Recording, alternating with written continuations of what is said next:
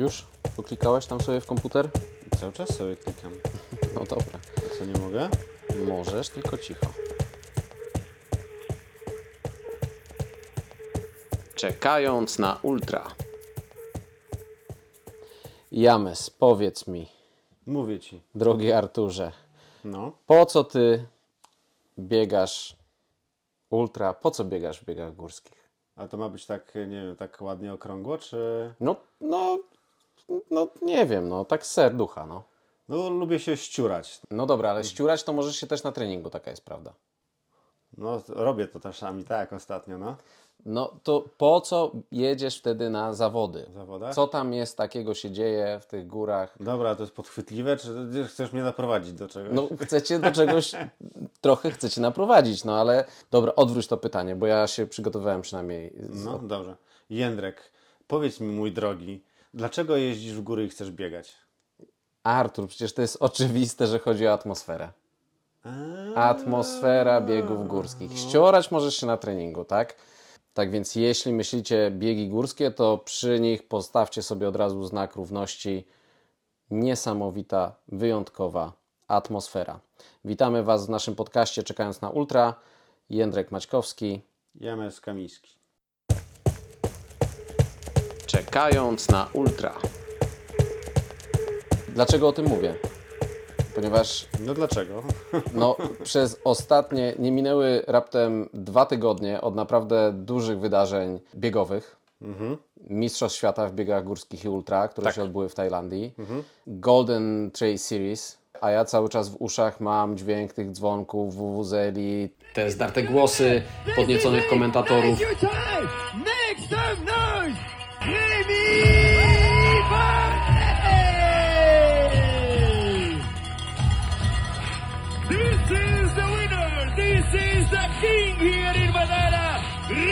Bonnet! 2 hours, 20 minutes for Remy Bonnet!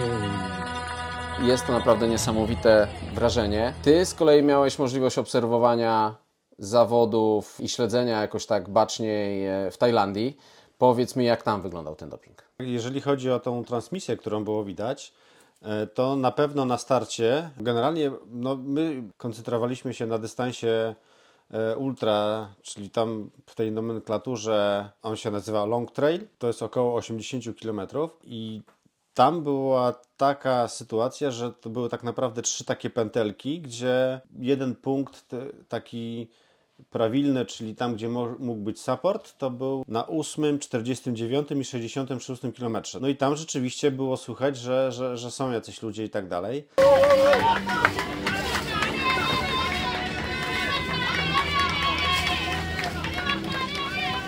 No, tak jak obserwowałem, to najbardziej żywiołowo dopingowali swoich zawodników Włosi, znaczy włoska ekipa, hiszpańska ekipa, które naprawdę były takie, że Hiszpania to potęga, jeśli chodzi no, tutaj o... no sam to mogłeś doświadczyć, że no, my z bólem wysłaliśmy sześciu reprezentantów, dwie osoby supportu, a tam ekipy 40-50 osobowe. No.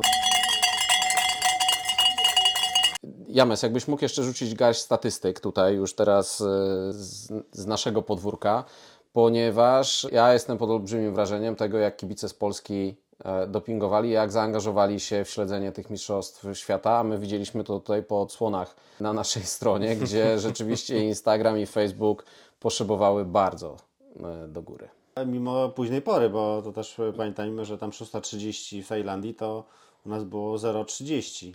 Miałem budzik ustawiony spokojnie. Byłem też w stałym kontakcie z Sergiuszem, który był jednym z supporterów e, naszych e, reprezentantów. No nie wiem, jakie statystyki mogę przytoczyć, ale jak zaczęliśmy tam transmitować, wrzucać jakieś pierwsze newsy, no to po kilkaset osób zawsze tam coś jakiegoś, e, jakąś komentarz czy reakcję zostawiało. Udało mi się uchwycić taki moment, jak Dominika wpadła na punkt. To, to jak na pit stopie chłopacy się uwijali tam na tym punkcie. Lód na kark, lód pod top, e, woda, Czyli zmianę Ci przygotować na tym?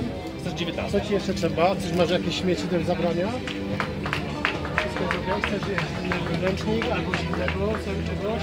Akurat wtedy Dominika no to była tak, była na 12 pozycji i goniła tak naprawdę jeszcze tam dziewczyny, że, że miała szansę wbiec do dziesiątki. No ale to się posypało. Co się wydarzyło, to na pewno nam Dominika to opowie. Co tam w tej Tajlandii się wydarzyło, że z tak wysokiego miejsca spadła? No, nie ma co ukrywać, jak na Dominikę, jednak na niską pozycję. Na wstępie zaznaczę bardzo, bardzo mocno, że niezwykle zależało mi na tych mistrzostwach, zarówno indywidualnie, jak i drużynowo. Myślę, że drużynowo nawet bardziej, bo wiedziałam, że mamy realnie bardzo duże szanse na medal, że mamy mocną żeńską drużynę. Po Comrades no miałam dość długi okres odpoczynku, ale udało się zbudować formę już na Mistrzostwa Europy na 50 km i później postawiłam wszystko na jedną kartę. Bardzo mocno przetrenowałam cały październik. Wyglądało to niezwykle obiecująco, chociaż wiedziałam, że organizm jest już mocno obciążony trudami całego sezonu. Przyleciałam do Tajlandii i e, zaraz po przebudzeniu poszłam e, z Kasią Wilk e, pobiegać. Nie było to szybkie bieganie, ale zdecydowanie chyba za wcześnie i zbyt długo jak na mnie po podróży. I pojawił się już na ostatnich kilometrach e, ból pleców, który stał się nieznośny. Sobota, niedziela to była walka o to, żeby w ogóle wstać z łóżka, żeby móc się poruszać, bo o bieganiu nie było mowy. Codziennie ćwiczyłam po trzy razy dziennie zalecony mi przez rehabilitanta e, zestaw ćwiczeń i powoli, powoli poprawiało się. Udało się zrobić e, dwa treningi przed, przed startem.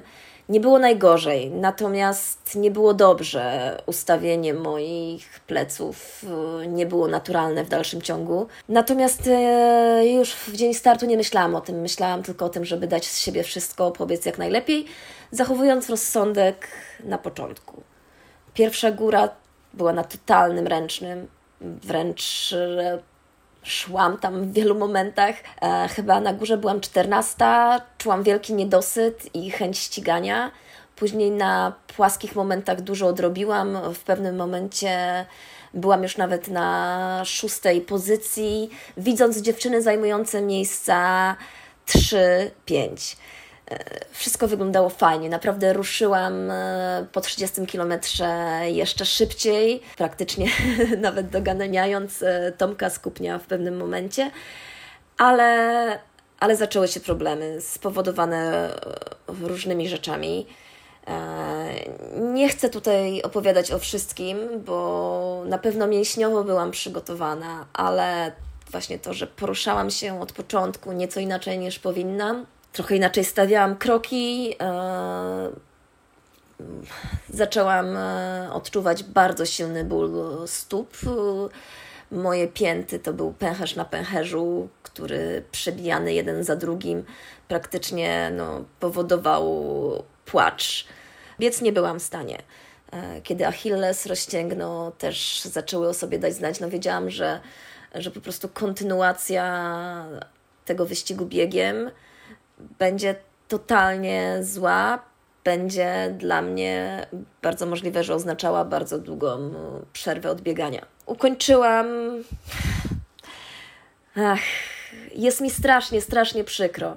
E, bo, bo bardzo chciałam, naprawdę bardzo chciałam, bo byłam bardzo dobrze przygotowana, bo wiem, że miejsce no, w czołówce było do zrobienia, było do zrobienia. No, Taki jest sport, takie jest życie. Wszystko albo nic, tym razem nic.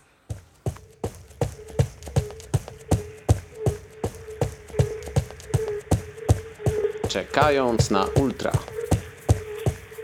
Dalej śledziliśmy też zapartym tchem pozostałych naszych reprezentantów, bo Kasia Solińska i Kasia Wilk naprawdę mocno pobiegły i jak tam plasowały się tak w okolicach 20 miejsca, to finalnie Kasia dobiegła na 17 pozycji, Kasia Wilka, Kasia Solińska na 20. Jezu, to, ja, ja już rozmawiałem z Kasią Wilk i mówię, że ją zamorduję, że nie może być tak, że ona biega wężykiem do mety, później mdleje, ja muszę brać tabletki na ciśnienie, to w ogóle to nie, to, to jest w ogóle... A ja z kolei Kasie napisałem, że mnie się to bardzo podoba. I no nie wiem, ja, ja, ja mam w głowie cały czas to zdjęcie z mety, gdzie ona jest nieobecna, ona jest w ogóle w innym świecie. Usłyszałam, że jesteśmy trzecie drużynowo i nakręcona tą informacją pognałam w dół jak szalona. To był już 50 kilometr i od tego momentu mogę powiedzieć, że bieg zaczął układać się po mojej myśli. Później jeszcze dodatkowo dostałam informację, że ten segment w dół tylko trzy zawodniczki pobiegły szybciej ode mnie i że zaczynam odrabiać straty. Po drodze wyprzedziłam kilka dziewcząt, nabrałam tak zwanego wiatru w żagle. Później ku mojemu zaskoczeniu na podejściu spotkałam Dominikę, następnie minęłam Kasię i po takim przetasowaniu na punkt odżywczy, ostatni już raz, wpadłam jako pierwsza. No support był mocno zaskoczony, a ja dalej robiłam swoje. Zabrałam szybko flaski, kilka żeli i ostatnie 12 kilometrów to też mocne i szybkie tempo, dosłownie walka o każdą minutę. Nie kalkulowałam już w sumie, która jestem i która będę, ale biegłam ile było sił, wyprzedzając kolejne zawodniczki. Ja wiem, że pragnęłam jak najszybciej zakończyć ten bieg, natomiast tej mety nie było widać, ale dobiegłam. Dobiegłam, choć y, pamiętam, jaki to był dla mnie olbrzymi wysiłek. Później już ocuciłam się w basenie pełnym kostek lodu y, w namiocie punktu medycznego, ale kto mnie tam wrzucił, to nie wiem. E, przystojni lekarze pytali mnie, jak się nazywam, ile mam lat, choć tak naprawdę kobiet o wiek nie pyta się. Pobierali krew, mierzyli ciśnienie, saturację i w sumie czekali, aż dojdę do siebie. Później od Kasi dowiedziałam się o moim 17 miejscu. No, zaskoczyłam się niesamowicie, ale jednocześnie mocno ucieszyłam. W sumie to obie byłyśmy mega, mega szczęśliwe, że w takich ciężkich warunkach dałyśmy radę. Podsumowując swój występ na pierwszych moich Mistrzostwach Świata, muszę powiedzieć, że tak, tak, jestem szczęśliwa, że e, dostałam możliwość i szansę, żeby reprezentować kraj i chyba nie zawiodłam. E, Jestem szczęśliwa, że dając ten dzień z siebie e, wszystko, zajęłam dobre miejsce, ale jednocześnie czuję taki niedosyt i czuję, że gdyby cały ten bieg był tym moim dniem i przy dobrej dyspozycji, to mogłabym zbliżyć się do pierwszej dziesiątki kobiet, ale jednocześnie to motywuje mnie do, do dalszej pracy. Tak, ja się śmieję, że Kasia to jest taka nasza trochę Sara Alonso. Dała się poznać właśnie jako taki rasowy fighter. Mówiłeś tutaj o tych statystykach, te kilkaset osób, to ty mówisz o, o stories, tak, które Tak, tak, udostępnialiśmy, tak, tak, tak, Jak ja patrzyłem, od 600 do 1000 osób śledziło każdy z kafelków, a dziennie tych kafelków e, wrzucaliśmy po kilkadziesiąt. E, Tak samo jak e, i podczas e, Golden Trail Series, a dziennie docieraliśmy wtedy, tak jak patrzyłem, do około 30 tysięcy osób. Okazuje się, że ludzie interesują się biegami górskimi, tak? Tak, Jeśli- i, o to jeszcze o drugiej w nocy. w Twoim wypadku relacjonowania Tajlandii rzeczywiście to, to była noc, ale z kolei mm, trochę chcemy się też tymi statystykami pochwalić, tak, bo fajnie, ale chcemy pokazać, jak długa droga jeszcze przed nami. Podczas Golden Trail Series właśnie z Sarą Alonso wypuściłem taką rolkę, jak ona wbiega, pokrwawiona, cała ubłocona. Y, Ona oczywiście to na swój y, sposób komentuje, że strasznie chciało jej się pić, dlatego szukała każdej możliwej kałuży. ¿Qué sed tenía? Estaba buscando charcos y no había. Sarah, what happened again? I fall again. Wypuściliśmy tą rolkę. Ta rolka bardzo szybko dotarła do ponad 20 tysięcy osób, z czego my już byliśmy zadowoleni. Później zaczęły się udostępniania gdzieś tam hiszpańskiej publiczności, prawda? Rolka osiągnęła 40 tysięcy wyświetleń. I w pewnym momencie Sara udostępniła y, tę rolkę u siebie. Sarę na Instagramie obserwuje ponad 80 tysięcy osób. I słuchajcie, w ciągu nocy ta rolka urosła do 115 tysięcy, No teraz ma 153. 153 tysiące. To pokazuje, jak olbrzymie zainteresowanie na świecie cieszy, cieszą się biegi górskie i trailowe. Jeśli mówimy o tym, my wysłaliśmy sześciu reprezentantów, a na Golden Trail Series przyjechały trzy ekipy telewizyjne żeby śledzić raptem chyba trzech zawodników, trzech, raz, dwie Hiszpanki, ale hiszpańskie Mariasa- ekipy. hiszpańskie ekipy, które Nie było TVP Info. nie, nie, nie, które przyjechały śledzić zawodników, tak więc w zasadzie każdy zawodnik miał swoją ekipę, która po prostu relacjonowała niemalże na żywo, bo wiem, że były łączenia w hiszpańskiej telewizji, postępów, e, co zawodnicy osiągają na e, No ale to ten, y, ale było przecież z Polski było...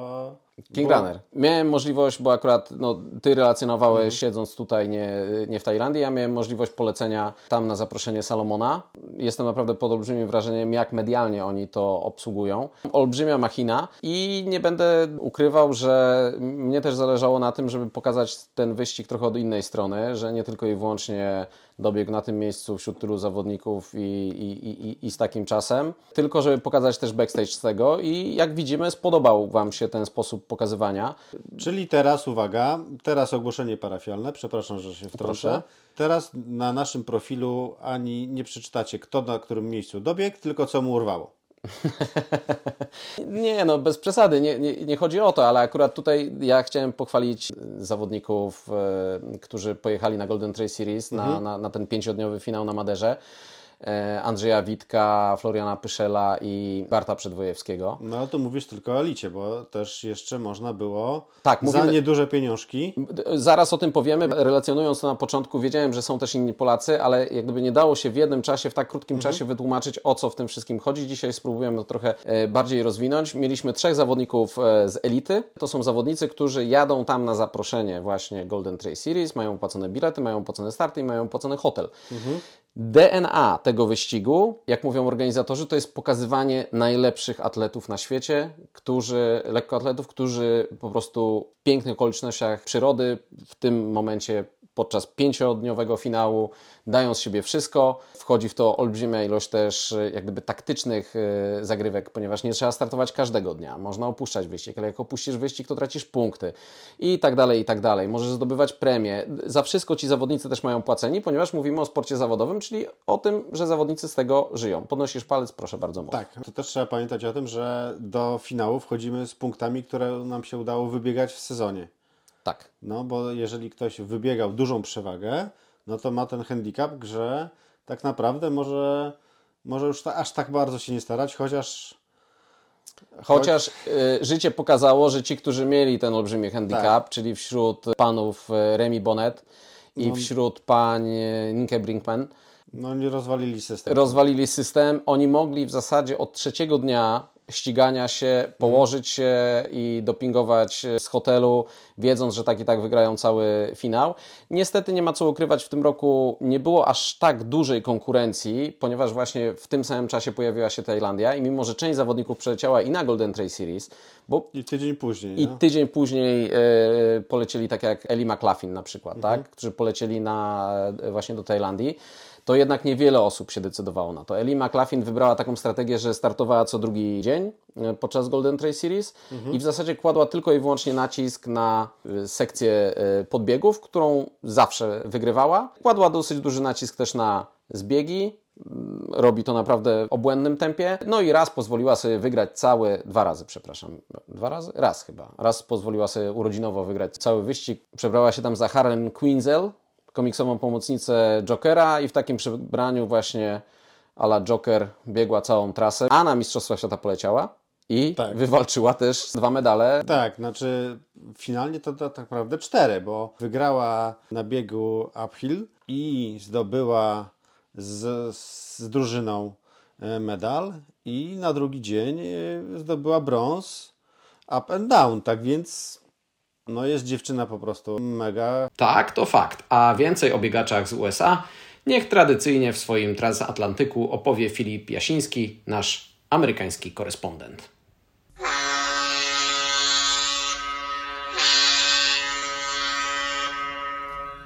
Transatlantyk. Dzisiejsze wydanie będzie krótkie, bo statkiem kieruje właśnie wracający z Tajlandii do domu kapitan Adam Peterman, a więc może to już nie transatlantyk, tylko super szybka motorówka. A przystanek końcowy nazywa się Uroj. Raz w roku ultrasowe media społecznościowe rozpoczynają intensywną debatę o tym, kto powinien zostać ultrabiegaczem roku. Ultra Runner of the Year i dlaczego Courtney zgarnie nagrodę dla pani już czwarty rok z rzędu. Co prawda niektórzy fanboye próbują udowadniać, że alpejski Jimbo biegał najlepiej w tym roku wśród Amerykanów. Ale jednak Peterman nie przegrał żadnego ze swoich startów w 2022, wygrywając Mistrzostwa Świata w Tajlandii, Western States, Canyons 100, Chucknut 50K, JFK 50 Miler i jeszcze na dodatek maraton w Moab. AJW, czyli w pełnej wersji Andy Jones Wilkins, to jeden z najbardziej doświadczonych ultrasów w USA, jednocześnie chodząca, w zasadzie biegająca encyklopedia historii trailu w Ameryce. Koniecznie namawiam Was do śledzenia tego, co Andy pisze na portalu Iron Far o przyszłości ultra. Wypytał najstarszych i najbardziej legendarnych zawodników i organizatorów zawodów, w tym Davida Hortona i Johna Medingera, o tym, co sądzą o nadchodzących czasach. Nie będę za dużo cytować. Sami koniecznie poczytajcie. To, że ultra bywa przykrywką, a często ucieczką przed wewnętrznymi demonami i strachami, wiedzą o tym chyba wszyscy. Nawet na polskim ultra podwórku mówi się o tym otwarcie. To ważne i bardzo mądre. Ale czasami nie widać na pierwszy rzut oka, że wśród największych sportowców są ci, dla których stanięcie w tłumie na linii startu to wyzwanie większe niż pobicie rekordu trasy gdzieś wysoko w górach. Z przejęciem i wielką uwagą obejrzałem film wyprodukowany przez Korosa wspólnie z Timem Tolefsonem, jednym z moich ulubionych zawodników amerykańskich. Tim w jakimś sensie wychodzi z szafy i przyznaje się, że cierpi na dysmorfofobię. Jego mózg podpowiada mu, że on jest nie taki jak trzeba, powinien być ciągle na ostrej diecie, że inni lepiej wyglądają od niego. Nie akceptuje swojego ciała. Tim pokazuje wielką klasę w tym filmie. Nie mogę przestać trzymać za niego kciuków. To wielki sportowiec bez względu na to, ile jeszcze wygra zawodów, a na dodatek jest organizatorem wspaniałego festiwalu biegowego Mammoth Trail Fast, gdzie mnóstwo uwagi poświęca najmłodszym biegaczom. Tim to mój prywatny ultrabiegacz dekady. Wspierajcie go na strawie i w mediach społecznościowych. Na koniec też nieźle emocjonalna historia, czyli ponowny start Tomiego Reevesa Puzeya w maratonie nowojorskim. Rok temu zrobił trasę w ponad 9 godzin, teraz zajęło mu to trochę ponad 6. A przecież lekarze nie tak dawno temu nie dawali mu prawie szans na przeżycie. Rak to najgorsza rzecz na świecie. Trzymam za Reevesa kciuki. Niech za rok znowu ma 3 godziny mniej na mecie. W końcu jego bostońska życiówka to 2,18. Wierzę w Reevesa i trzymam kciuki za wszystkich walczących z chorobami. Ahoj, podróżnicy.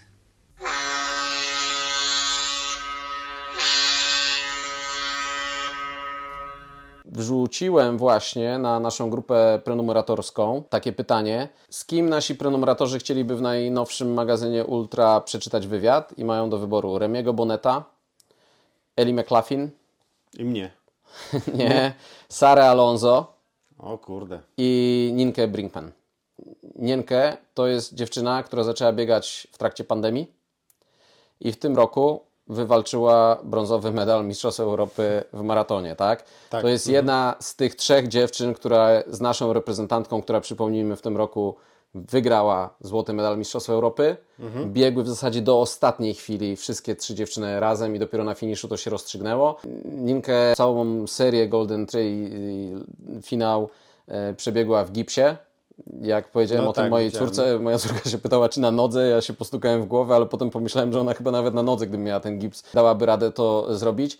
Powiem tak, ja się bardzo dziwię, że jej sponsor, a wiemy, że no, jeśli ktoś jest mistrzynią, brązową medalistką Mistrzostw Europy, to zakładam, że to już jest naprawdę poważny kontrakt sponsorski, to ja się dziwię, że Nike zgadza się i pozwala jej biegać w górach. Ale to mówię, prenumeratorzy wybiorą z kim chcieliby przeczytać rozmowę i miejmy nadzieję, że uda nam się doprowadzić ją e, do finału.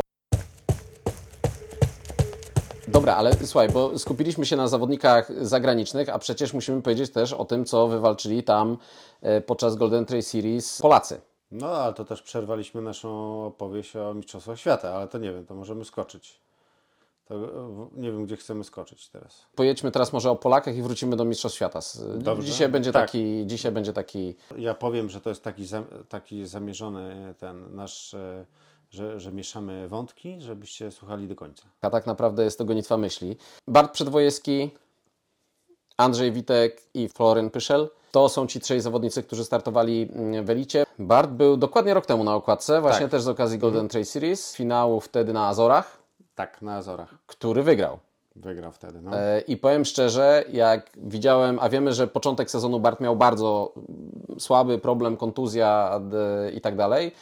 Pokazał dopiero swoją e, prawdziwą moc na strandzie podczas e, tego, tego norweskiego wyścigu. Później pojechał znowu do Stanów Zjednoczonych i tam e, siedział nawet chwilę dłużej, żeby się zaaklimatyzować, ponieważ cały wyścig się odbywał dosyć wysoko. I niestety nie poszło.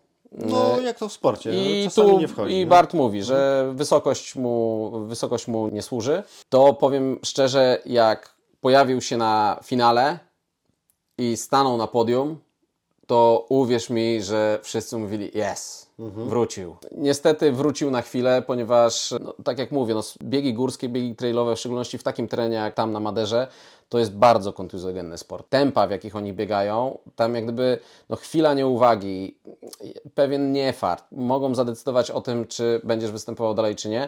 I tak było w przypadku y, Barta, który, który zawadził kolanem o skałę. Wyglądało na to, że skończy się tylko na dwóch szwach. W komentarzach pojawiły się wpisy, a tam trzy tabletki ketonolu i poleci. Nie, to No tak nie, nie, wygląda. nie ja keton, byłem nie? przy tej sytuacji i Bart cztery razy pytał, konsultował z lekarzem, który miał mu szyć nogę Mhm. i z lekarzem z zawodów, czy te szwy mogą zostać użyte, żeby potem się nie okazało, że coś zostanie wykryte w jego organizmie. Aha. Tak więc to wszystko dzieje się tam na żywca. Na pewno nie dostają e, zawodnicy żadnego znieczulenia, no bo nie chcą ryzykować tego, że przez przypadek gdzieś coś im później e, w krwi wyjdzie. Bart kolejny wyścig pauzował. Na kolejnym wyścigu Miał wystartować, już był gotowy, już witał się z gąską. tak, e, wyszedł na rozgrzewkę. No i, i, no i znacie to uczucie, kiedy czujecie, że coś jest nie tak, rozgrzewacie się, startujecie i potem na biegu jednak to coś siada. Barty jest zawodowcem, zrobił trzy rytmy, zrobił zbieg i powiedział sorry, sorry nie. No, no nie uda się, tak? Jakby ta noga, ja się śmiałem, że to trochę jak nogi u modelek, tak? No to jest ważny element w ich życiu, oni tymi nogami zarabiają. Olbrzymi smutek widać było w jego oczach, mimo że to jest bardzo pozytywna postać. Barta udało mi się jeszcze złapać po Maderze na obozie sportowym jego podopiecznych w Górach Świętokrzyskich. To już była chwila po wielkim finale, więc na chłodno mógł ocenić swój start oraz czy ma już jakieś plany na nowy sezon. Niedosyt jest e, duży, bo jak było widać, z każdym biegiem się rozkręcałem, czułem się coraz lepiej. No niestety e, uraz kolana mnie wyelim- wyeliminował z naszej rywalizacji. E, na chwilę obecną jakby nie, nie myślałem o startach na przyszły sezon, ponieważ moje ostatnie dwa tygodnie po powrocie z Madery były tak intensywne i miałem tyle pracy związanej z przygotowaniami do mojego ślubu, z przygotowaniami do obozu z moimi zawodnikami, więc e, skupiałem się na sprawach bieżących, e, poświęcałem się jakby pracy e, z swoim teamem i dopiero teraz po tym obozie będę się widzieć z trenerem Andrzejem Orłowskim i będziemy ustalać plan na przyszły rok i, i myślę, że wtedy podejmiemy też decyzję odnośnie startu w przyszłym roku. Właśnie Bart, gratulacje. Ja powiem szczerze, nie wiem jak Ty to wszystko ogarnąłeś, to wesele. Generalnie to było skromne, małe przyjęcie dla najbliższych znajomych, więc nie było tutaj jakby e, dużej organizacji. Wiadomo, no trzeba było wszystko przygotować i zro zrobiliśmy to wszystko przed moim wyjazdem na, na, na Maderę, ponieważ z Madery wróciłem w środę i w, środ i, i w sobotę było przyjęcie, więc naprawdę w ekspresowym tempie. Organizacja Level Master. E, Ale powiedz, rozmawialiśmy na Maderze, e, mówiłeś, że dawno nie startowałeś e, w Polsce i masz plany, nie mówię teraz o konkretnych biegach, ale podtrzymujesz to, że chcesz się pojawić w Polsce na kilku biegach? Tak, ze względu na kibiców, na, na ludzi, którzy mi kibicują i naprawdę przez cały sezon e, czuję mega wsparcie mm, od biegaczy górskich z Polski i też chciałbym zacząć się z nimi częściej spotykać. E, myślę, że biegi, które będę wybierać będą biegami większymi, po to właśnie, żeby spotkać się z ludźmi i to będzie mój też cel na przyszły rok, no bo no nie ukrywam, jestem im wdzięczny za to, że, że mnie wspierają, że mi kibicują. Dzięki nim też rozwijamy tą dyscyplinę, bo coraz więcej ludzi się dowiaduje o biegach górskich. Oni dostarczają mi emocji, ja dostarczam emocji im i myślę, że to jest taka fajna więź, która jest może wirtualna, ale każdy to czuje i też właśnie będąc tutaj e, w Górach Świętokrzyskich, wybraliśmy to miejsce głównie też z tego względu, że w sobotę odbywał się tutaj Lament Świętokrzyski i chcieliśmy też pokibicować e, ludziom na trasie. I to było no przemiłe, jak ludzie mnie rozpoznawali, e, zbijali sobie ze mną piątkę, robili sobie ze mną zdjęcia i to też mi pokazuje, że no, że sam też chcę z tymi ludźmi wejść taką mocniejszą interakcję, częściej się spotykać, yy, pogadać i dlatego też na pewno będę się pojawiać częściej na biegach w Polsce. Zobaczymy Cię za rok na Golden Trail Series? Zobaczycie. to uwielbiam takie odpowiedzi. Super, dzięki bardzo wielkie. To tak w skrócie wyglądała historia e, Barta, reprezentanta Salomon e, Team. Andrzej Witek z kolei pokazał się od naprawdę świetnej strony. E, ponieważ e, zdecydował, że nie chce być zawodnikiem 18, 17, 20, tak? Bo mówi, bo tych zawodników tak i tak mało kto zapamięta.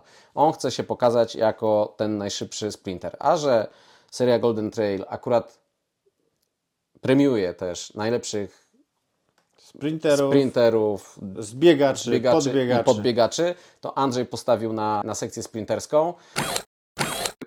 Powiedz mi, Andrzej, chcąc wystartować y, na, w serii Golden Trail Series, żeby zakwalifikować się do elity, no oprócz tego, że się trzeba naprawdę dobrze biegać, to jaką trzeba odłożyć kasę na te starty? Ty liczyłeś to? No, liczyłem to może nie jakoś skrupulatnie co do złotówki, ale to trzeba planować e, przy założeniu, że pójdą tobie dobrze wszystkie biegi, w których wystartujesz, czyli minimalnie no, trzy dobre występy to trzeba liczyć, że to pewnie jest y, z 15-20 tysięcy.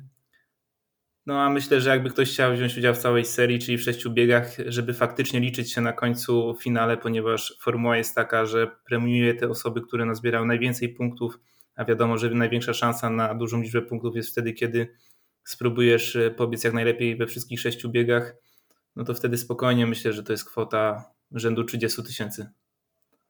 E, czyli bieganie e, nie jest najtańszym sportem, jak e, reklamują to w dyskontach spożywczych, że no wystarczy buty. No wiesz co, no, raczej nie wygląda na najtańszy sport, ale nie wiem, być może każdy, kto jest mocno wkręcony w swoją pasję, mocno się angażuje w to, co robi i w inne sporty, to może się okazać, że wiesz, triatloniści jakby to usłyszeli, to pewnie by się śmiali, że tyle wydają na... Na wentyl. Tak, dokładnie, więc więc no, to być może jest tylko taka nasza perspektywa, że to wcale nie jest mało. Być może po prostu takie są ceny, no ale jednak przy polskich realiach zarobkowych w sporcie takim półprofesjonalnym, no to, to są spore pieniądze, jasne. Okej, okay, ale mam wrażenie, oglądając Ciebie tam na miejscu, że poczułeś krew. Myślisz o kolejnym sezonie już, czy na razie odpoczywasz? Myślę, myślę bardzo intensywnie. Wiesz co, no nie, no mi się to bardzo podobało. To była świetna przygoda, mega rozwój sportowy.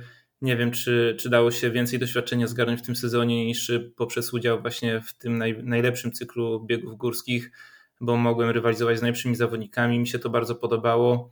Miałem też ten przywilej, że no nie 100% y, środków zainwestowałem z prywatnej kieszeni, tylko miałem też wsparcie sponsora Dynafita, więc y, gdzieś tam udało się troszkę zamortyzować ten koszt. Zresztą też trzeba tutaj dodać, jeśli mówimy o pieniądzach i wydatkach na Goldenie, że jeżeli jesteś topowym zawodnikiem i jesteś bardzo pewny siebie, wiesz o tym, że osiągniesz dobry wynik, to jest też taki program, który w części refundują tobie, gdzie organizatorzy refundują tobie twoje koszta, jeżeli zajmujesz miejsca w top 10.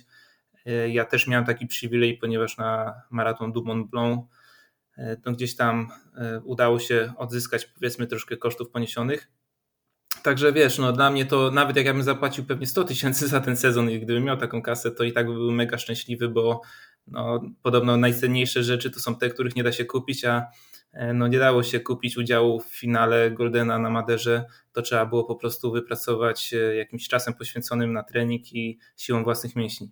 Andrzej, ty postawiłeś na zdobywanie premii sprinterskich. Z tego co wiem, chyba nie od samego początku o tym myślałeś, prawda? Ale y, Coś tobie no... dzwoni? A, przepraszam, to mnie coś dzwoni. Już, już, już.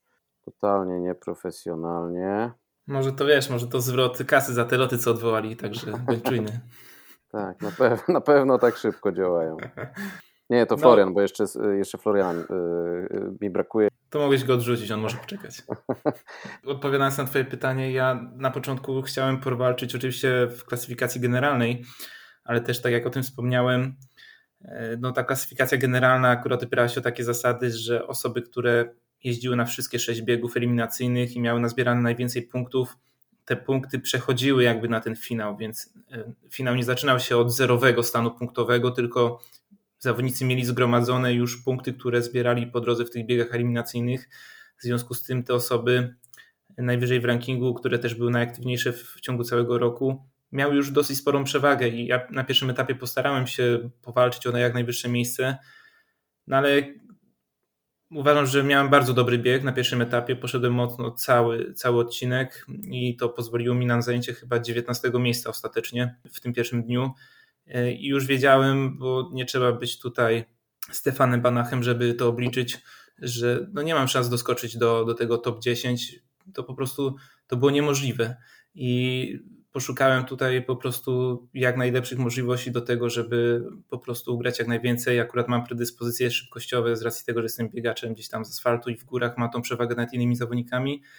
Więc postanowiłem powalczyć po prostu w tej sekcji sprinterskiej, bo uważam, że no lepiej być e, gdzieś tam najlepszym w jakiejś specjalizacji niż 12 e, czy 16 zawodnikiem w ogólnym rankingu, to, to tak naprawdę bez znaczenia. I opłacało się? Nie pytam tutaj o merkantylne powody, bo wiadomo, że tak jak tutaj mówiłeś, były premie, gdzie po kilkaset euro e, udało się zgarnąć, ale czy opłacało się, czy zostałeś Twoim zdaniem zauważony przez innych zawodników, przez organizatorów jako ten szybki chłopak z Polski? Mam nadzieję, to tak naprawdę się dopiero okaże, bo to nie jest tak, że e, takie budowanie, powiedzmy, nie wiem, marki osobistej, może to tak wynieśle zabrzmi, ale gdzieś tam profilowanie się w jakiś sposób działa z dnia na dzień, ale myślę, że tak, że zdecydowanie lepiej zostanę zapamiętany jako gość, który wygrał sekcje sprinterskie, e, który miał jakieś tam przygody po drodze, upadki, wzloty niż, niż ktoś, kto zajął kilku, nie wiem, tam naste miejsce tak, w generacji, więc pod względem takiej, takiego zapamiętania przez organizatorów i, i budowania marki, no to na 100%. Zresztą muszę powiedzieć, że na początku wydaje mi się, że moja strategia nie była zrozumiana przez osoby, które mnie obserwują w mediach. Ja też nie jestem jakoś super aktywny w mediach, ale bardzo, bardzo pozytywny taki feedback do mnie wrócił, kiedy już byłem w kraju, trochę odpoczywałem i ludzie pisali, że no, bardzo doceniają to, że podszedłem do tego zadania taktycznie, a nie po prostu biegałem jak rycerz bez głowy. Zresztą to już w piłce nożnej e, jest klasyka, powiedzenie, które przeszło do annałów, że lepiej mądrze stać niż głupio biegać. I trochę tak podszedłem właśnie w tych kategoriach do, do tego zadania sprinterskiego. Więc e, tak, tak, wydaje mi się, że to była dobra strategia i myślę, że znacznie więcej tym zyskałem, a praktycznie niczego nie straciłem. Osoby, które śledziły, widziały, że dostarczył nam też niemalże jak Kaśka Wilk. Ale to, to wyglądało jakbyście wyreżyserowali to, bo było jedno wejście na, na żywo i on akurat jak wystartował, to się wywalił. Na Powiem tym. Ci, po tym, jak, jak on się wywrócił, ja mówię, nie wiem, może to trochę za duża presja, bo, bo, bo to jest jednak jakaś tam no, presja. Ja, ja mu nie mówiłem, że, ale jak odpaliliśmy tego żywca, jak zobaczyłem automatycznie, że w tym momencie, nie wiem, no, kilka sekund po odpaleniu nagle siedzi 300 osób, nie opowiadałem mu nawet, że, że, że tyle osób e, z kraju w tym momencie e, to ogląda, ale po wyścigu podszedłem do niego i mówię... Mam nadzieję, że to nie była moja presja. Ja się nie, nie A, no dobra, okej. Okay. Ale szybko się zebrałeś. No ale wiem, że na pewno zabrakło ileś sekund, nie? Sprawdziłem to, przegrałem, byłem szósty na segmencie i przegrałem półtorej sekundy, no. No nie gadaj. No, no. Prze potknąłeś się kiedyś za 500 euro? Y, no i trzeci reprezentant elity, Florian Pyszel. Y, Florian bardzo krótko biega po górach. Y, no a generalnie Florian wszedł trochę tak z drugiej strony do, do tego, bo tak. on wszedł przez eliminację e, zawodów tych narodowych, National Series, e, gdzie udało mu się wywalczyć właśnie wyjazd nie biegając z elitą, z elitą, tylko na tych biegach narodowych. W Polsce mamy dwa wyścigi. Tak, w Polsce mamy dwa wyścigi mhm. w ramach tego cyklu, ponieważ e, e, jest na, to na DFBG. DFBG i Łuży Szuta. No tak, Tatra Sky. Sky. Mhm. To powiem szczerze, jeśli czujecie, że jesteście zawodnikami, którzy mogą powalczyć i mogą się pojawić, naprawdę warto pojawić się na, na tych imprezach i zawalczyć, bo można wygrać zaproszenie właśnie na finał Golden Trail Series, y, mieć opłacony cały start, cały pobyt, mieć możliwość przebywania z elitą. Powiedz, czy jeśli ktoś czuje się, nie wiem, mocnym amatorem, czy dobrym zawodowcem, e, rekomendujesz e, starty w Lidze Narodowej Goldena? Nie no, pewnie. W ogóle jestem zaskoczony, że tak łatwo było mi się dostać i to tak naprawdę za pierwszym razem e, do, na Maderę, ponieważ byłem przekonany, że naprawdę dużo więcej osób będzie brało w tym udział, zarówno z Polski, jak i z Czech czy, czy Słowacji. Także byłem naprawdę zaskoczony dosyć niskim poziomem, nie będę ukrywał, e, więc zdecydowanie zachęcam e, wszystkich, bo ta przygoda na Maderze była naprawdę czymś fantastycznym, e, więc mam nadzieję, że w przyszłym roku poziom będzie dużo wyższy. Ja raczej nie będę próbował już swoich sił przez właśnie cykl Nationals, ale mam nadzieję, że, że przynajmniej dwóch Polaków zobaczymy właśnie z cyklu Golden Trail National Series. Florian, wiem, że nagrałeś swój podcast Świat Okiem Biegacza sam ze sobą. Tutaj zachęcam wszystkich do odsłuchu, jeśli chcecie dłużej posłuchać o, o Twoich e, przemyśleniach, Twoich obserwacjach tam z Madery i, i, o Twoich przygotowaniach. Ja chciałem się Ciebie zapytać, ponieważ mówiłeś i pisałeś tę rozmowie w magazynie Ultra, która ukazała się chyba w tym czasie właśnie, co Ty byłeś na Maderze, prawda? Że jedziesz tam zdobywać doświadczenie. I jak z tym doświadczeniem? Dobre pytanie. E, mam wrażenie, że takie wyjazdy to chyba taka najlepsza nauka i doświadczenie, które zyskałem właśnie na, e, na tej portugalskiej wyspie, będzie procentowało w kolejnych zawodach pod warunkiem, że wyciągnie się z tego startu jakieś mądre wnioski. E, więc mam nadzieję, że takie wyciągnąłem, że trochę już się nauczyłem, co powinienem poprawić, jakie elementy dobrze grają a gdzie jeszcze można byłoby te kilka procent się polepszyć. E, więc tak, jak najbardziej uważam, że będę lepszym zawodnikiem e, po, po tym pięciodniowym biegu, który w moim przypadku trwał 4 dni. Czyli jest decyzja, że zostajesz nadal w górach.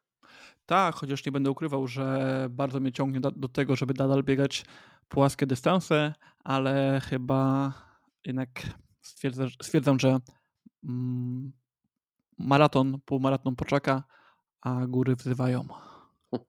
Fajnie, miło to słyszeć. E, Florian, jak mówisz o tych słabych punktach, to co było w tym wypadku Twoim zdaniem tym najsłabszym punktem?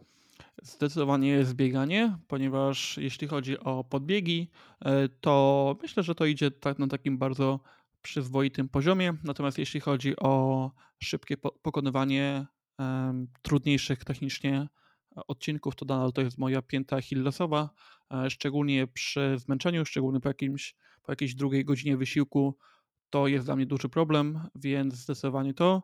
E, więc no, nie będę ukrywał, że, e, że jeśli chodzi o, o te zbiegi, to muszę to popracować, ale też nie będę ukrywał, że nadal odcinki pod górę. To nie jest tak, że jestem na poziomie Bartka czy nawet Andrzeja. Natomiast myślę, że na razie jestem na poziomie e, Ninke Brinkman, czyli zwyciężczyni e, damskiej, damskiej mm, wersji Golden Traila, więc niestety jeszcze, jeszcze też muszę dużo e, popracować nad tym. Flori, cieszę się bardzo, że mogliśmy się poznać. Chucham dalej na nogę, żebyśmy jak najszybciej mogli Ciebie zobaczyć tutaj na naszym polskim podwórku, żeby zawodnicy mogli się z Tobą zacząć porównywać i mierzyć. Mam nadzieję, chociaż nie dogonicie mnie. Przynajmniej na zbiegach mam nadzieję, że już, że już nikt nie, nie dogoni. Trzymam za słowo i obserwuję. Dzięki wielkie. Dzięki. Ok, to teraz wróćmy znowu do Tajlandii. Tak. Wrócimy jeszcze później do Golden Trail Series, do tej sekcji Open, tak? Gdzie za nieduże pieniądze, jak się okazuje, można pojechać na super imprezę i ścigać się z najlepszymi, co trzech Polaków też zrobiło. Ale czyli, proszę, oddaję czyli głos. będzie ten A tanie wakacje biegowe. PL. Tak. Czekając na ultra. Jeszcze wróćmy do, do Kasi Solińskiej, która naprawdę też starała się tam mocno walczyć. Słuchajcie, ja jak Kasia mi wysłała zdjęcie stopy, pewnie to widzieliście, nie? To ja usiadłem, to, bo to w ogóle, no, no i że z czymś takim jeszcze można biec. Ja, ja wiem, że jest adrenalina, dopóki się nie zdejmie tej skarpety na mecie, to, to nawet, no a coś tam mro, mrowi, coś tam boli i tak dalej, dobra, biegniemy, nie? Ale nie, no słuchajcie, no naprawdę był oderwany kawał skóry z tej nogi, nie?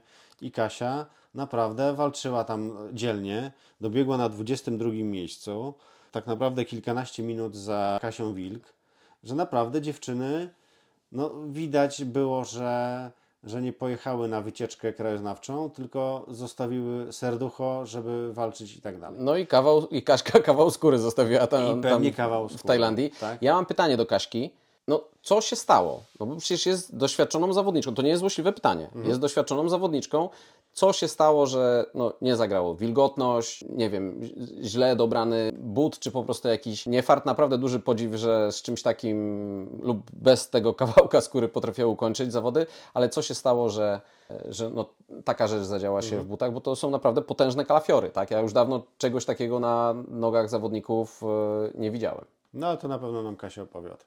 Po dosyć e, długim i, i ciężkim sezonie, bo za mną były biegi 100-kilometrowe, 120-kilometrowe i 170-kilometrowe, mm, e, więc faktycznie organizm już prosił o odrobinę odpoczynku, ale podjęłam e, rękawice i e, razem z moim trenerem Iniakim Delaparą staraliśmy się w bezpieczny sposób podnieść troszeczkę e, właśnie moją, e, moją formę.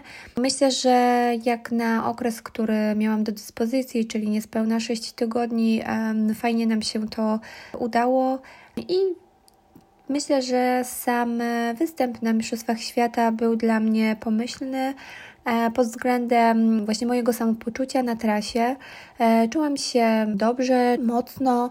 E, Podejścia bardzo dobrze mi wychodziły. Żywienie przebiegło również e, bardzo sprzyjająco, nawadnianie, schładzanie organizmu, do czego e, przykuwałam dużą wagę. Jednak no, pojawił się problem, którego nie przewidziałam, czyli pojawił się odcisk napięcie. Poczułam odcisk po około 3 godzinach biegu, czyli to było po 20 km, czyli po tym pierwszym dosyć długim zbiegu. E, No niestety e, w takich warunkach e, ciało się bardzo mocno pociło, po nogach spływał pot do skarpetki, też chłodząc swoje ciało, wylewając wodę na, na twarz, na, na klatkę piersiową. No też jednak trochę tej wody lądowało w bucie. No i też były momenty, w których przekraczaliśmy strumienie, więc, więc ta stopa cały czas gdzieś tam była mokra. E, Wydaje mi się, że skarpetki, które wybrałam i w których zazwyczaj biegałam, były po prostu na te warunki za grube i, i trzymały po prostu tą wilgoć. A w związku z tym skóra na stopie zrobiła się bardzo taka e, delikatna. No i niestety na, na szybszych zbiegach skóra mi pękła i e, po prostu odczuwałam no, spory ból na zbiegach, czułam mocne pieczenie. Patrząc na zegarek właśnie na, na zbiegach, e, zobaczyłam, że moje tempo jest naprawdę dużo poniżej oczekiwań i, e, i tego, jak mogłabym po prostu zbiegać e, z, ze zdrową stopą. No ale nie miałam na to już większego wpływu, po prostu zacisnęłam zęby i starałam się pobiec na 100% e, tych możliwości, którymi dysponowałam. No jest mi z tego powodu przykro, nie powiem, że nie, ale Dałam z siebie, tak jak mówię, tyle, tyle, ile mogłam. Nie było czasu na to, żeby tą ranę gdzieś tam opatrzeć. No to był na tyle krótki, w cudzysłowie, i szybki bieg, że, że tutaj każda minuta się e, liczyła. Zresztą nie wiedziałam, czym dysponuje mm, tutaj e, punkt medyczny, więc po prostu zacisnęłam e, zęby. Co mogłabym zrobić inaczej? No myślę, że będę starała się stosować jakieś sposoby związane z zabezpieczaniem tych stóp przed biegiem. No i oczywiście zmiana skarpetki. Także nad tym, nad tym też będę e, pracować, no ale nie da się wszystkiego przewidzieć na biegach ultra. Weryfikują warunki, weryfikuje trudność trasy, weryfikuje dyspozycja dnia. Także generalnie występ uważam za, za w porządku, a same mistrzostwa były absolutnie fantastycznym, niesamowitym egzotycznym przeżyciem, były świetnie zorganizowane. Nieraz pojawiła się łza wzruszenia w oku, także e, każdemu życzę tak wspaniałego przeżycia i mam nadzieję, że to nie jest ostatni raz, kiedy będę biegła z orzełkiem na piersi, a przynajmniej ze swojej strony dołożę wszelkich starań. Także Pozdrawiam wszystkich e, czytelników e, King Runner Ultra i życzę dobrej regeneracji w trakcie okresu roztrenowania i, i wspaniałego sezonu 2023. Czekając na Ultra. Jak mówimy o obrażeniach, to musimy też powiedzieć o tym, że nasi zawodnicy i nasze zawodniczki tuż przed startem dostali nowe stroje startowe. Znaczy nie wiem, czy nowe stroje startowe, ale chyba wcześniej nie mieli za bardzo okazji w nich e, biegać. I ja chyba... wiesz co, nie jestem przekonany, ale to, to na pewno nam e, Kasia Wilk więcej na ten temat opowie. Czy wszystkie stroje były tegoroczne, czy ktoś miał poprzedni, bo też tak mogło być. E, no na pewno nie były to stroje do ultradystansu, gdzie no nie, zawodniczki nie. biegały z e, kamizelkami. Z tak, albo z plecakami, gdzie, gdzie nie wiem, no jeżeli masz top damski, który ci się kończy Y, nie wiem, od pasa 30 cm wyżej, a plecak masz 20 cm niżej, no to nie może to być dobrze. No, dobrze się nie skończy. Przy wilgotności, przy takim wysiłku, no, człowiek jest spocony, polewany wodą. No nie, to, to no nie wiem, no ja, ja nie wyobrażam sobie, żeby, żeby, no nie wiem, możesz wystartować na stadionie w czymś takim, to, to okej, okay, nie? Na, na jakiejś pętli czy czymś, ale... No... Czy na krótszym dystansie, tak. ale no nie na dystansie ultra. Y, Kasia Wilk sobie tego wyobrażać nie musi, ponieważ ona to przeżyła i niech nam I Kasia... doświadcza do tej pory. I doświadcza, wspomina to na pewno miło do tej pory, tak więc niech nam opowie, jak tam u niej plecki. Mhm.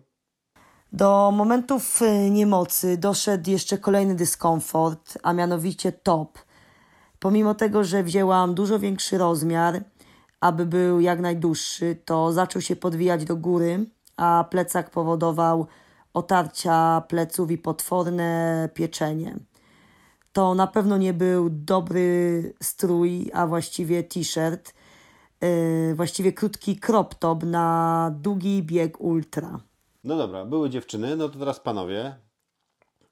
Yy, bezwzględnie najszybciej yy, dystans ukończył Kamil Leśniak jak oglądaliście na żywo, to pewnie zauważyliście tam, że też noga nie była taka już świeża na końcówce, bo Kamil zasuwał tyle, ile mógł. E, a jak zasuwał, jak biegł, to za chwilę usłyszycie, ale też niebawem usłyszycie u naszego znajomego podcastera. A może i szybciej usłyszą, bo Kamil akurat bardzo szybko działa. Bo mówimy o wizycie Kamila, tak. mhm. u drugiego Kamila. Tak w podcaście Black Hat Ultra. Tak, gdzie został porwany z lotniska. Tak jest. Mm. Mam nadzieję, że nie, nie miał oczów zawiązanych, gdzie jedzie. u, u Black Hata tam jest zawsze ciemno, tak więc. Ale widziałem zdjęcia, wszyscy zadowoleni i szczęśliwi. Czekamy na realizację tego podcastu. Właśnie, zresztą ciekawi mnie, czy, mhm. czy, czy, czy Black Hat, czy my będziemy w tym momencie szybsi. Zakładam jednak, że to Dobra, będzie Black teraz to takie odliczanie. Zagartyka. Cześć wszystkim słuchaczom e, Killing Runner Ultra, z tej strony Kamil Leśniak. Prosiliście mnie o krótką e, relację z zawodów, e, no więc będzie, mam nadzieję, że krótką, ale treściwie. Pierwsze pytanie to, które sam sobie zadam, a które się zadaje, to czy jestem zadowolony. E, w sumie tak, jestem zadowolony, ale z wyjazdu, e, z pobytu w Tajlandii, pobytu na Mistrzostwach Świata, kolejne Mistrzostwa Świata, na których jestem od 2015 roku e, bez przerwy, no chyba, że liczymy przerwę covidową jako, jako właśnie taką przerwę. Jeżdżę, więc chyba jestem już weteranem, mimo że nadal najmłodszy. Jestem z tego dumny, bo pokazuje to, że cały czas gdzieś tam stabilna forma jest przez wiele lat. Może nie mistrzostwa, bo, bo tak nadal, nadal jeszcze nie wygrałem tych mistrzostw, nadal nie spełniłem e, swoich marzeń czy tam e, celów e, na tego typu zawodach. Wstydu nie ma, 26 miejsce e, optymalnie. Mój ranking przed startem był, e, był oceniany na 44 miejsce. Parę pozycji do przodu, parę zawodników teoretycznie, statystycznie gorszych też mnie wyprzedziło, ale też e, warunki pogodowe i sytuacja losowa na zawodach wpłynęła na to, jaki jest wynik. Miałem troszeczkę większą chrapkę na, na czasie biegu. Okazało się, że bardzo dobrze się biegnie mi w tym upale i wilgotności i cały czas systematycznie przesuwałem się w klasyfikacji i z bardzo dobrym humorem. To, to mnie cieszyło, że cały czas e, bardzo się dobrze czuję i, i wydaje mi się, że też dobrze, się, dobrze wyglądałem. Mijając właśnie chłopaków na, na około 30 km, czułem, że, że jest naprawdę dobrze, bo, bo no, fajnych zawodników, których znałem z pierwszych stron gazet, e, mijałem lub doganiałem. Trochę się posypało w momencie, 40, w momencie zbiegu na 40 km, gdzie podkręciłem kostkę, no i to spowodowało, że straciłem tą prędkość, czy nie wiem, czy ochotę, ale, ale coś e, mocno wpłynęło to na, na dalszy przebieg rywalizacji, bo no nieprzyjemnie się naprawdę zbiegało dalszą, dalszą część. Dodatkowo gdzieś na tym też etapie zaczął mnie boleć, zaczęło mnie boleć okolice krocza, to spowodowało, że naprawdę, naprawdę chęć walki była niewielka, no ale starałem się przemieszczać cały czas do mety. Finalnie trochę spadłem z klasyfikacji, ale jak to bywa na zawodach, że przede mną też ludzie cierpią, za mną też ludzie cierpią i gdzieś tam ten wynik dowiozłem. 26 miejsce, no teraz patrzę, że wycenione na 811 punktów ITRA, więc to tak jak na, na Mistrzostwa Świata jest to optymalny wynik, bo Mistrzostwa Świata się mają swoje zasady i nie mam, nie mam jakichś takich większych do siebie pretensji. No, aczkolwiek nadal nie jestem z tego jakoś tam wybitnie wy... szczęśliwy, zadowolony, bo, bo trzeba potrafić siebie samego ocenić i w tym wypadku jeszcze, jeszcze dużo, e, dużo mam do pokazania. Mam nadzieję, że będzie jeszcze okazja. A jak widać, e, jak wino cały czas e, jestem, nie może lepiej, lepszy, ale, ale cały czas jestem.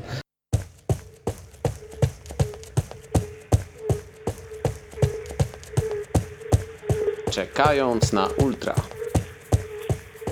Drugim z naszych e, na mecie był Paweł Czerniak, e, który zameldował się na 36 pozycji, no raptem tam 14, 14 minut za Kamilem.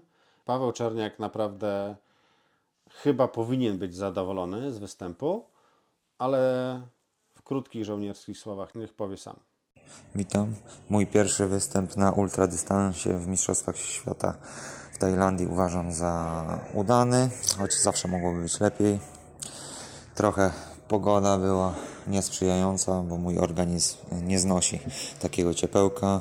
A co do trasy, no, było dużo mocnych, takich y, stromych zbiegów, długie podbiegi, także było się gdzie zmęczyć. No ogólnie jestem zadowolony teraz aktywna regeneracja i, i kończę sezon. A czy mamy kilka słów od y, Tomka Skupienia? E, tak, rozmawiałem z Tomkiem. E, no jakby to powiedzieć, e, każdy sportowiec, e, czy zawodowy, czy półzawodowy, czy amatorski, czasami ma dzień konia, a czasami ma dzień, gdzie wszystko jest pod górę. Nie chcę, no nie wiem, no Tomek niech powie sam, jak to czy wyglądało. Czy było z góry, czy pod górę? Tak, właśnie, no bo, no słuchajcie, no, jak tak jest, no co tu dużo gadać, no coś podejdzie, coś nie podejdzie, przygotowujesz się do czegoś, nie wiem, długi czas, a to... Przyłożyłem się, do, żeby się przygotować do tych zawodów, ale jest tak, że czasami jeśli człowiek bardzo, bardzo chce i przykłada się do pracy, to czasami się okazuje, że to nie wychodzi. I mi się wydaje, że tu jest taki przykład właśnie też mój. E, okazało się, że pracy bardzo dużo, a zweryfikował jeden dzień, który po prostu nie szło mi. Nie szło mi, choć starałem się, walczyłem. Czym więcej walczyłem, tym więcej mi nie szło. Mm, to nie były Mistrzostwa Polski, gdzie po prostu nogi bardzo dobrze biegły i jeszcze wszystko mm, wiatr w plecy i wszystko się zgrywało i wszystko było na moją korzyść. Tu na Mistrzostwach Świata było totalnie odwrotnie. Wszystko przeciwko mnie. E, ja nie, nie będę się tym przejmował jakoś i zbytnio, bo cieszy mnie, że e, najbardziej cieszę się, że się nie poddałem i dobiegłem do mety. Założenia były na pewno inne i chłopacy też liczyli może na lepszy mój bieg, bo tak samo biegliśmy drużynowo. ale na 40 kilometrze naprawdę już miałem trochę dość tych jakichś niepowodzeń e, i problemowych sytuacji, które powstawały na trasie i, i przy, tej, przy tym biegu. Udało się e, na 40 kilometrze może bardziej zmotywować siebie do tego. Miałem przyspieszać, miał być jeszcze, miał się zacząć bieg. Okazało się, że troszkę lewe kolano, k- z którym miałem problemy, e, odezwało się. No i znowu niepowodzenie, musiałem zwolnić. Troszkę już też podjąłem decyzję, że widziałem co się dzieje, to nie będę za wszelką cenę e, męczył kolana bo, i organizmu, bo, bo mógłbym więcej krzywdy sobie narobić niż, e, a widziałem, że wyniku i tak już nie zrobię, bo to już jest e, za duże straty. Mm, Dotarłem do 50 km, tam popełniłem następny błąd, ale zapłaciłem olbrzymią cenę, bo po czasie e, widać, e, jak musiałem dużo zapłacić za ten błąd. E, no i później już jak dotarłem do punktu odżywczego ostatniego i ostatni zbieg, to mogę powiedzieć, że tylko e, może te ostatnie kilometry mogłem powiedzieć, że e, powalczyłem, bo, bo chciałem troszkę dać siebie, bo to są Mistrzostwa Świata, ale to, to jest zbyt mało. Jak ostatnie 10 kilometrów tak powinien wyglądać cały bieg. Cieszę się z tych mistrzostw, e, cieszę się z tego przebiegu, że to tak wyglądało, bo po prostu e, tak mi się wydaje, że będę jeszcze mocniejszy, bo wygrać to jest bardzo czasami łatwo i fajnie się z tym żyje i, wszystko jest fajnie. Gorzej jest e, akceptować porażki i stawać e, z powrotem do treningów po takich e, nieudanych startach. E, Cieszy mnie to, że też nie mam z tym problemów i mam teraz motywację bardzo dużą, żeby potrenować, bo można powiedzieć, że to już jest zakończenie sezonu i widzimy się w przyszłym sezonie i nie mogę się doczekać rywalizacji. Także trzymajcie się, na razie. Dobra, ale to już kończąc wątek Tajlandii, to ja muszę powiedzieć, że bo mamy szóstkę zawodników, ale też mamy dwóch supporterów i wiecie co, no to ludzie, którzy no nie wiem, to, to nie są, no Maciej chyba jest e, już z racji tego, że jest mężem Dominiki i ją supportuje zawsze, to wie jak podawać te flaski, wodę i tak dalej. E, I Sergiusz Stanek, który dzielnie go wspierał i nawet kilka zdjęć zrobił, udało mu się. O ich przeżyciach, o tym co się tam działo przeczytacie w najnowszym Ultra. Taka jest obietnica Sergiusza, że, że czasami wieczorami e, usiądzie i napisze nam taki reportaż z placu boju. Dajesz wilku, masz biec! Zasuwać masz, słyszysz? Wszystko masz tutaj przygotowane. E, taki proszek, tak? Do czego? Do flaska czy do kubka? Chcesz teraz? Z krokiem? Tutaj do wody, do flaski. Do flaska, którego bierzesz, tak? Zasuwasz, nie, masz, że słaba, jest masz świetnie, biegać! Jesteście trzecie drużynowo. Masz Nie biegać, zajebią. walczycie o trzecie miejsce w drużynówce. Fa- Fajnie, cieszę się, że, że, że, że zdecydowałeś się pokazać to w ten sposób, ponieważ e, oglądanie wyścigów e, oczami właśnie supportu, oczami obserwatorów tam na miejscu, to jest naprawdę całkiem inny wymiar. Oczywiście, E, no. Dlatego zachęcamy wszystkich partnerów, partnerki niebiegające, niebiegających. E, Jeśli wasi partnerzy lub partnerki biegają, pojedźcie kiedyś z nimi na imprezę, pokibicujcie im, zróbcie szumu i, i wtedy zrozumiecie, na czym polega magia biegów górskich, czyli właśnie to, o czym mówię, ta atmosfera. No tak, bo to nie chodzi tylko o to, że e, w szafie jest 8 par butów biegowych, wszystkie są uciuralane w błocie. To nie, to, to, to jest Nie. tylko skutek poboczny. Nie, nie. Dokładnie. Dobra, jak mówimy o kibicowaniu, o atmosferze, to ja bym chciał namówić, mam nadzieję, że mi się uda skontaktować z Andrzejem Orłowskim, z trenerem, który przez te dwa tygodnie, to podejrzewam, że sobie musiał rwać włosy z głowy, ale to ja tak podejrzewam. Albo bardzo z- mi- albo z klaty, nie Albo, albo z klaty, ponieważ i Kamil Leśniak, jego podopieczny, i Kasia Wilk, i Bart Przedwojewski. Andrzej, powiedz mi, jak to jest z perspektywy trenera? Ty to jeszcze jakoś e, przeżywasz, czy tylko wieczorem sobie tak wchodzisz, zobaczyć jaki wynik i potem, nie wiem, dzwonisz do nich, piszesz e, z opierdzielem albo z gratulacjami? Jak to wygląda? E, jeżeli o to chodzi, to nie jest tak, że wchodzę sobie wieczorem i jest to normalne, bo no powiedzmy teraz była trójka, tak jak powiedziałeś, ale jeżeli tutaj chodzi o moich zawodników, no to strategia jest zawsze taka sama. Przed zawodami rozmawiamy, różnie bywa. Jeżeli to są ważne zawody, to zawsze to jest no, około godziny czasami. To są i kwestie techniczne, logistyczne, uwagi co do trasy, do odżywiania. To wiadomo, czym większe ultra, tym więcej tych niuansów jest ważnych. E, kwestie takiego nastawienia, jak ja bym rozegrał pewne rzeczy, jak to widzę, to jest zawsze taka rozmowa na gorąco. Jeżeli chodzi o samo przeżywanie, no to powiem Ci tak, że no generalnie mam otwarte wszystkie strony możliwe do śledzenia międzyczasów na różnych imprezach w telefonie w jednym czasie, czyli kilka tych podstron gdzieś tam założonych, żeby się otwarło. E, nie śledzę generalnie traków, bo to jest ślepa uliczka dla mnie i no wiele razy się na tym przejechałem. No i mamy też taką strategię, że no większość tych zawodników powiedzmy z dużej półki, no to oni mają włączone powiadomienia w trakcie wysiłku na zegarze. Także ja też wysyłam SMS-y. Tajlandia, 15 e, SMS-ów w trakcie zawodów. Wszystko jest możliwe, nie? E, mhm. Ja generalnie przeżywam i się troszkę denerwuję, może za bardzo, e, no ale już tak troszeczkę jest i, i w ten sposób to robię, że właśnie śledzę na bieżąco te międzyczasy, patrzę jaki to jest układ trasy po prostu z profilu, nie z traka, tak jak już mówiłem i po prostu staram się być na bieżąco z tymi zawodami, no bo to jest takie powiedzmy nasze wspólne dzieło, E, no i ciężko przejść od, obok tego tak machinalnie, obojętnie, obok i tylko sprawdzić, e, co się wydarzyło, jakie były wyniki końcowe, bo to zawsze można zrobić, nie?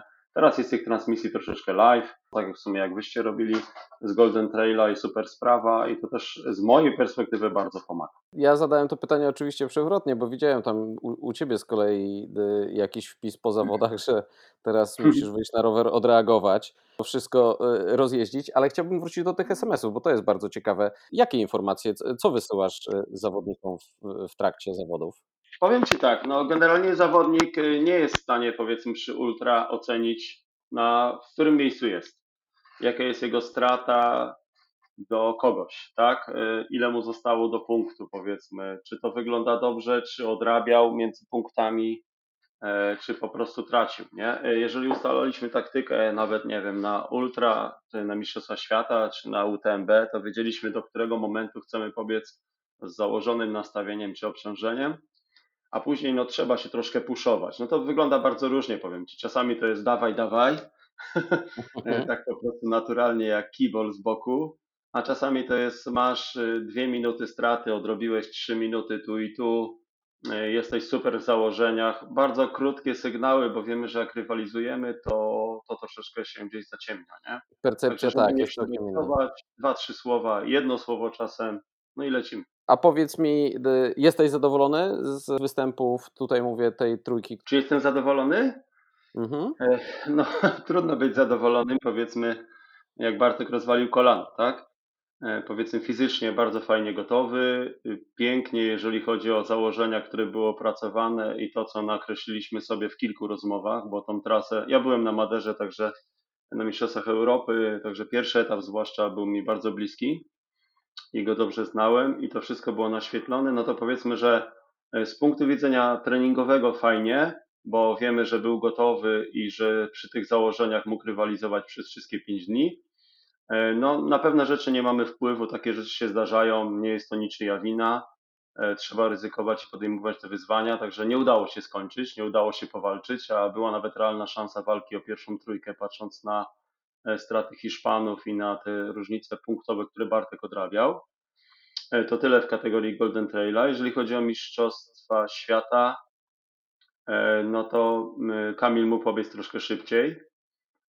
Ten bieg był dobry, aczkolwiek no, było parę czynników, które jak gdyby nie pozwoliła. No ale trzeba powiedzieć, że Kamil był gotów tak na 100%, nie? bo patrząc w okolicach jakich zawodników rywalizował, to można uznać ten bieg za dobry.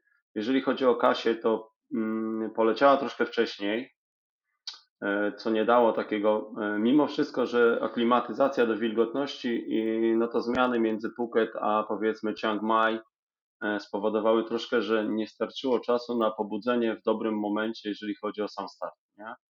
Mhm. Czyli zabrakło troszeczkę takiego filtra przepuszczającego, E, żeby poczuła troszeczkę zmęczenie, bo co innego rozbieganie w takich warunkach, a co innego już po aklimatyzacji troszeczkę dłuższej zrobienie takiego bodźca kształtującego.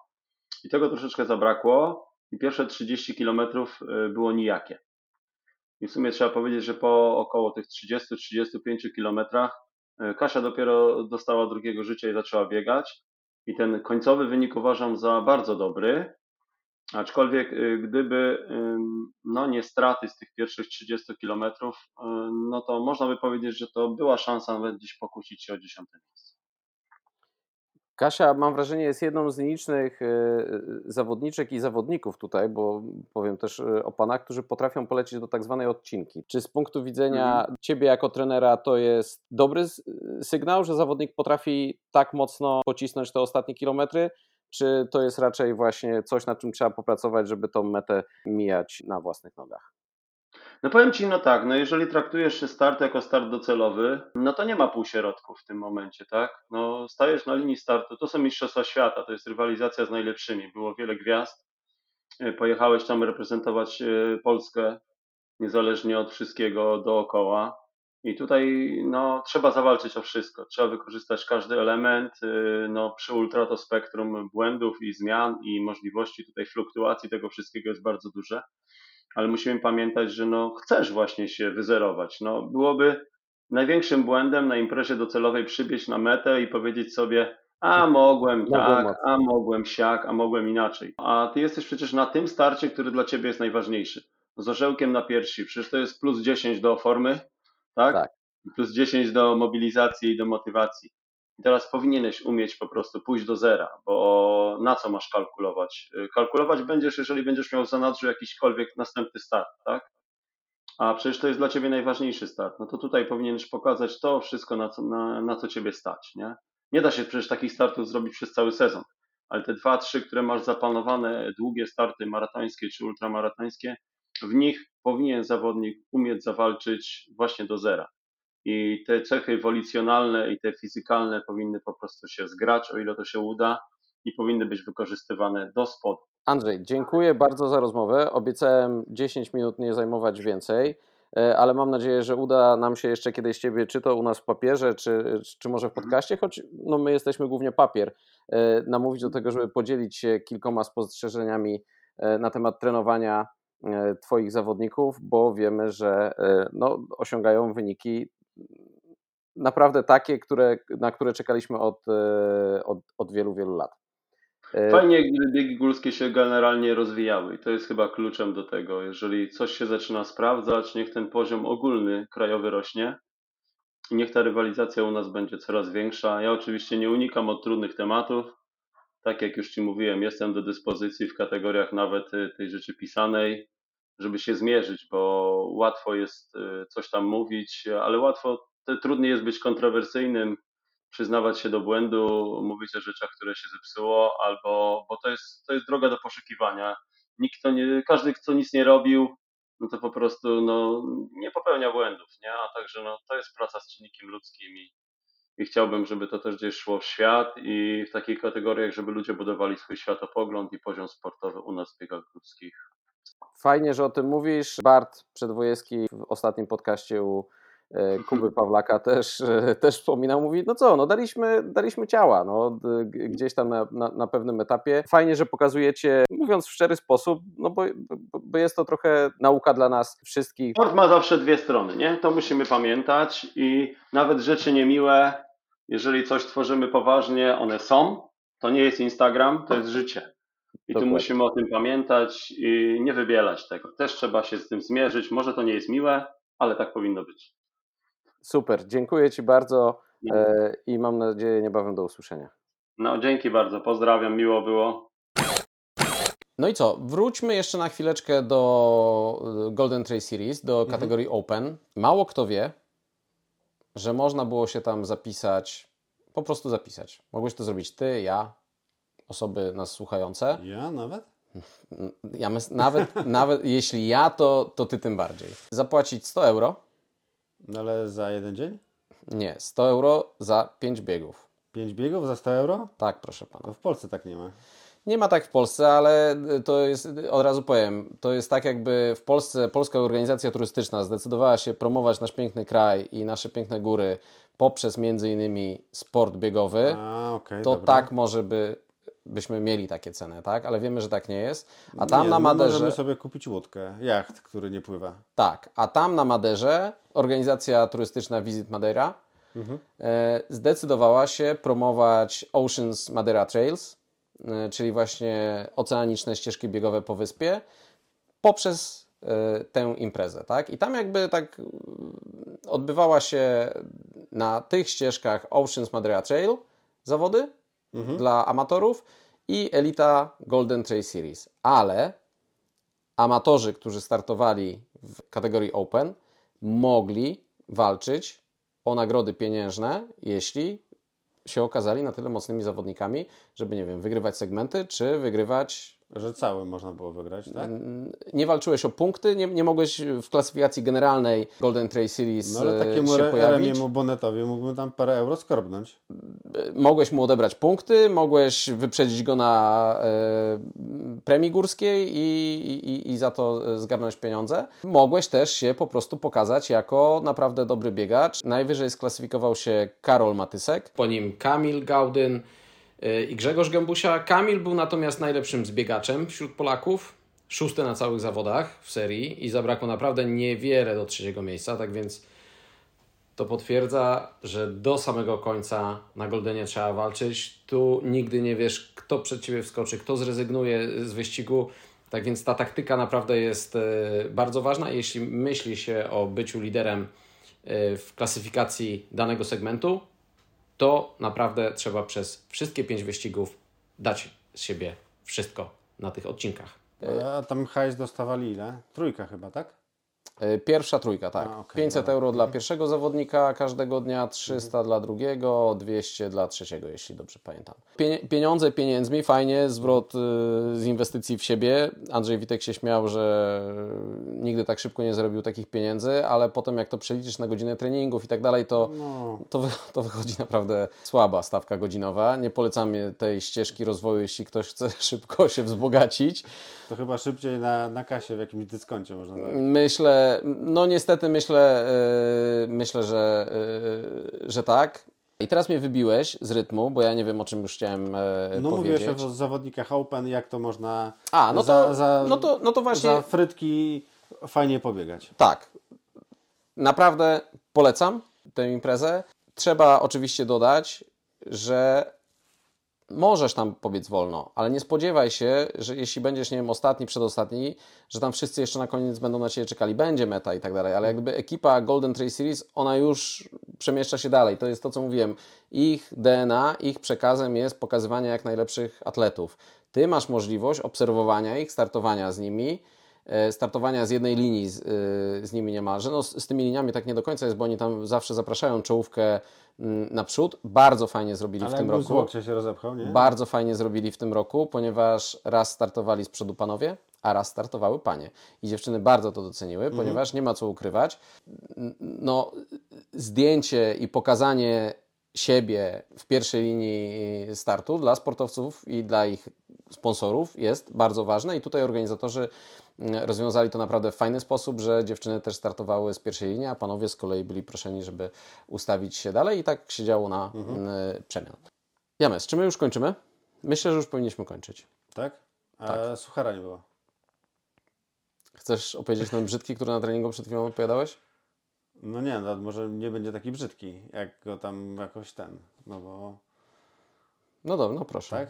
No nie wiem. No dobra, bo to ma być dialog między nami, tak? To pamiętasz? A no, ćwiczyliśmy, tak. No, no. Że moja żona zawsze mi powtarza, że mam dwie wady. Tak, a jakie? Że jej nie słucham. A druga? Yy, Coś tam gadam.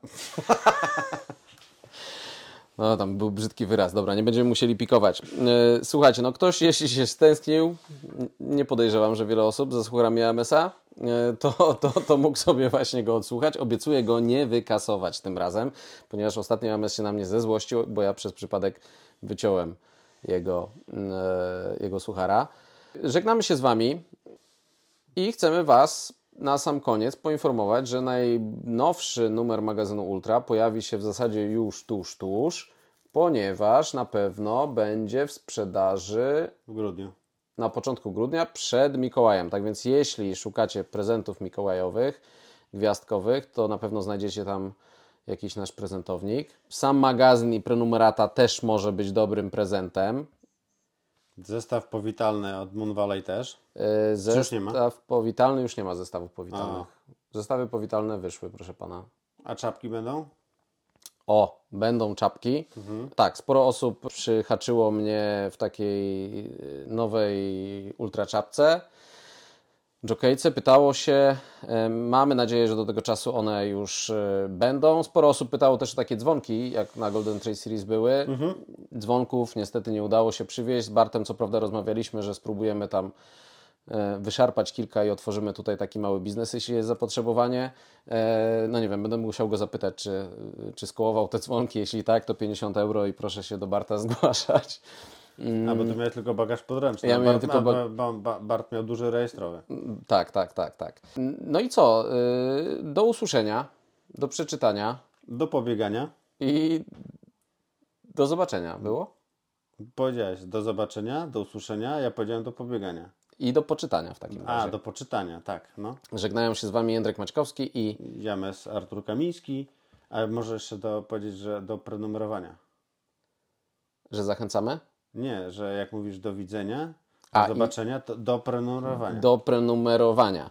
My o tym mówimy wprost, ponieważ e, no co, nie będziemy ściemniali. Im więcej prenumeratorów, tym mamy większe możliwości między innymi właśnie wyjazdów na tego typu imprezy, które Wam ostatnio relacjonowaliśmy, a powiem szczerze, był już pewien pomysł, żeby do tej Tajlandii nawet lecieć i myślę, że następnym razem Jamesa uda się namówić, żeby poświęcił kilka dni swojego urlopu i wyjechał w cieplejsze e, kraje, żeby... Dobra, za rok będzie w Niemczech. No właśnie dlatego wyślemy Cię do Niemiec. e, nie będziesz miał daleko. Dobra. Dobrze, że mam w pracy niemiecki. Tak, ucz się, ucz nie przedłużamy. Trójduch.